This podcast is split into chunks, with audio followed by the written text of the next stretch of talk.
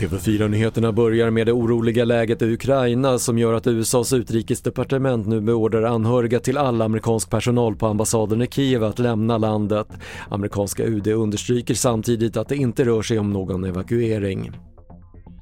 Tre äldre kvinnor i Malmö utsattes för bedrägerier igår kväll av personer som utgav sig för att vara poliser.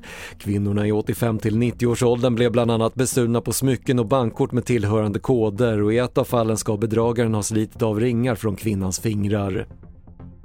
Nästan var tredje rättegång har fått ställas in sedan årsskiftet på grund av hög smittspridning. Många måste stanna hemma på grund av sjukdom eller karantän men för att slippa inställda förhandlingar försöker tingsrätten att lösa det med att ha med åklagare eller advokat på länk. Och en fripassagerare upptäcktes i julhuset på ett flygplan i Nederländerna efter att det anlänt från Sydafrika.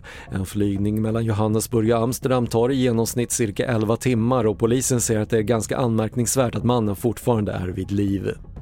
Fler nyheter hittar du på tv4.se. Jag heter Patrik Lindström.